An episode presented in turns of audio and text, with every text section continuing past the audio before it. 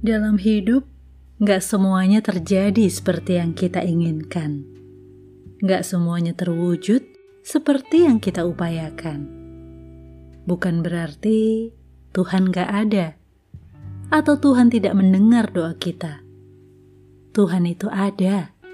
Ia mengenal kita, termasuk kerinduan hati kita. Dan telinganya tak kurang tajam mendengar seruan doa kita.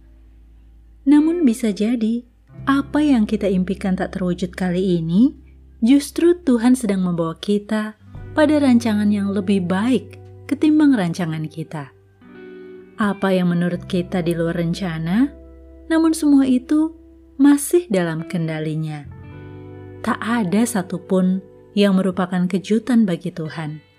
Kitanya yang perlu menyiapkan hati dan legawa dapat menerima segala sesuatu yang menimpa dengan tulus hati. Bahwasanya hidup ini bukan semata-mata milik kita, namun ada rencananya yang mulia. Bukan hanya untuk saya, namun juga untuk kebaikan banyak pihak.